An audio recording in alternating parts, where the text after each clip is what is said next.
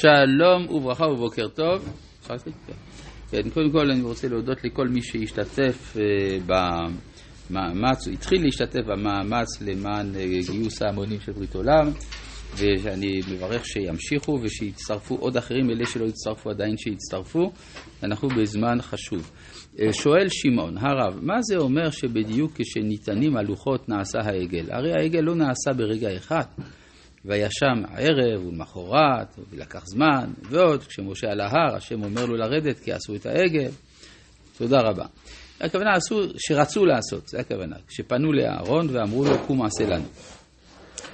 שואל שני, בוקר טוב, הרב, למדנו שעניינה, מהותה של התורה, שצריכה להינתן, ואין תוכן עצמי, אלא שפונה למקבל. אם כך, איך להבין את הפרשנות, כמו השלה למשל, שהתורה שקדמה לעולם היא גבוהה מהתורה הניתנת ברבה ויום טוב. כן, ברור, התורה שלפני בריאת העולם היא גבוהה מהתורה הניתנת.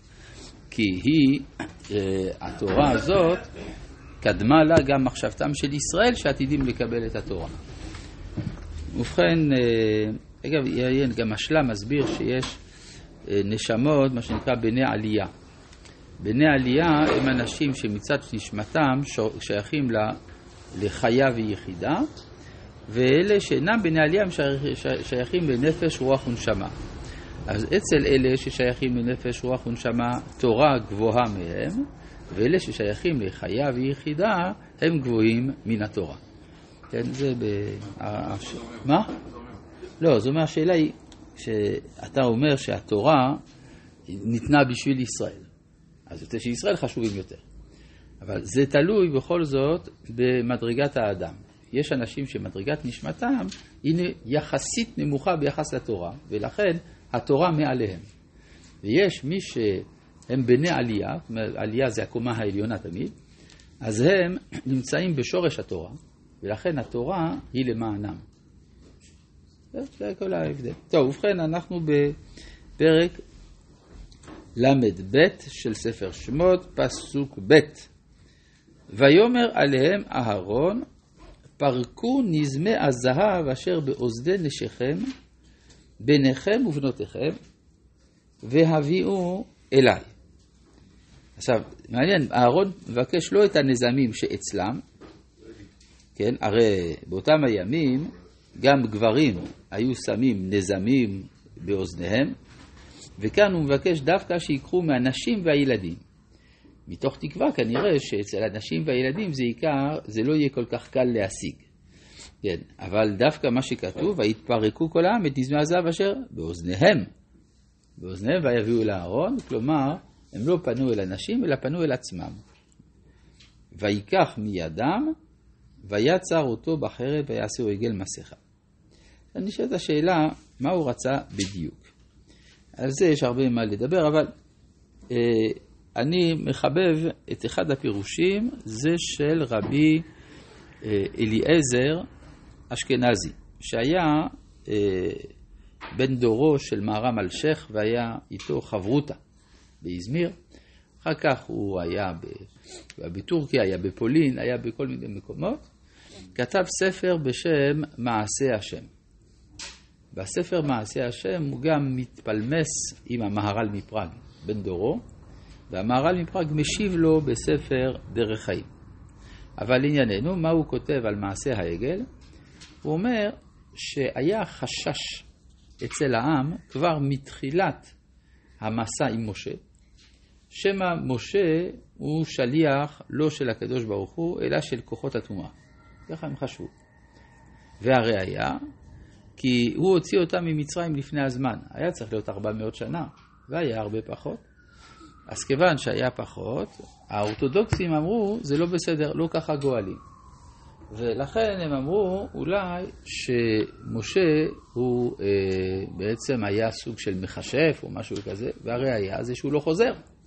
אז הוא תקע אותנו באמצע המדבר, ועכשיו מתברר שאכן אה, עבדו עלינו, לא היינו צריכים לצאת כל כך מוקדם וכולי. ואהרון הרגיש שהמחשבות האלה נובעות מהאחיזה של כוחות טומאה שנמצאים אצלם, שנאחזים בנזמים. כי בנזמים היו כל מיני אה, גילופים וכדומה שקשורים לעבודה זרה. לכן הוא אמר, תיתנו את הכל. ואז זה ישנה אתכם. תנו את כל הנזמים, ואז, מה? אז לפי זה היה צריך לקחת של כולם, אפילו של הנשים והילדים, זה מה שזה אומר, אפילו של הנשים והילדים. זה היה בעצם סוג של התרבות המצרית כל ה... כן, בדיוק, בדיוק. יש לזה כמה מקורות. למשל רואים אצל אה, יעקב, כשהוא קובר בשכם את כל הנזמים, את הנזמים של האנשים, אלוהי הנכר, הוא אומר, קח את הנזמים, קובר אותם.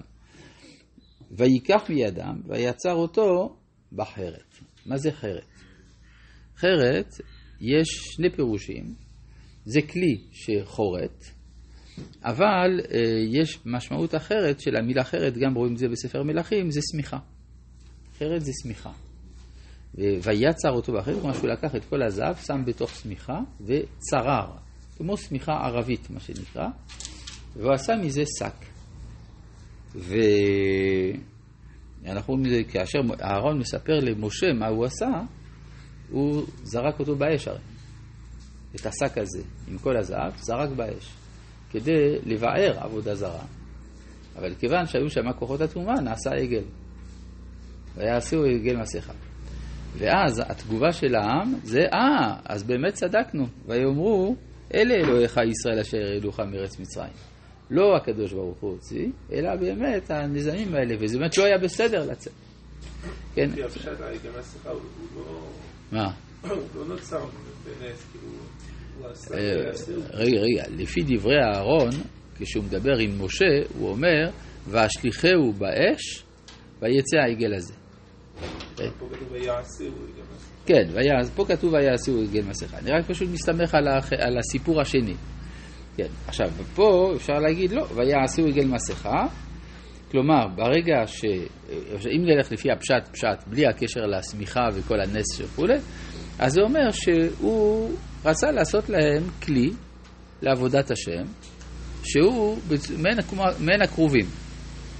עכשיו, למה זה יצא לו עגל ולא כרובים? לכאורה, אם זה היה יוצא כרובים, היה בסדר גמור, כן? הרי כתוב, ולא תעשו מפי אלוהי חסר אלוהי זהב, אמרנו לא עשה כרובים מכסף וכדומה, אלא שעל זה נאמר בספר תהילים, וימירו את כבודם בתבנית שור אוכל עשב.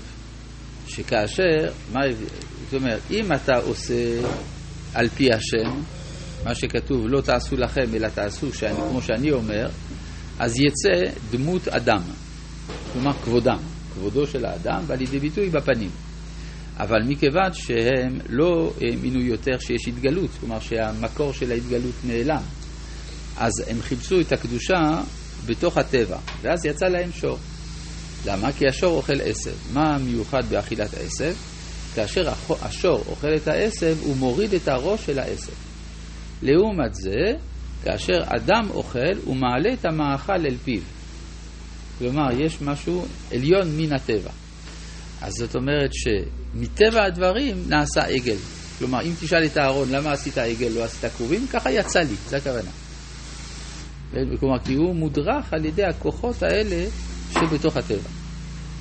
אז זה באמת הולך בכיוון הזה, ועשו עגל מסכה.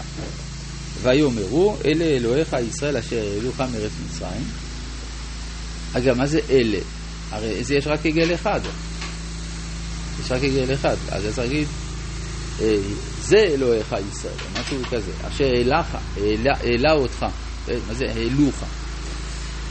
אבל זה לא כל כך קושייה, כי מצאנו גם אצל עובדי השם שלפעמים משתמשים אה, בלשון רבים. כן, אה, למשל שאברהם הגיע, אה, יעקב, ויבוא יעקב לוזה, אשר בארץ כנען, כי שם נגלו אליו האלוהים בצאתו, בבורכו מפני עשיו אחיו. כן? או למשל אברהם אומר, ויהי כאשר יטעו אותי אלוהים מבית אבי. אז כך שלשון רבים גם כן שייך כלפי האלוהות, במיוחד שהם נפלו מהעולם של הייחוד אל העולם של הריבוי.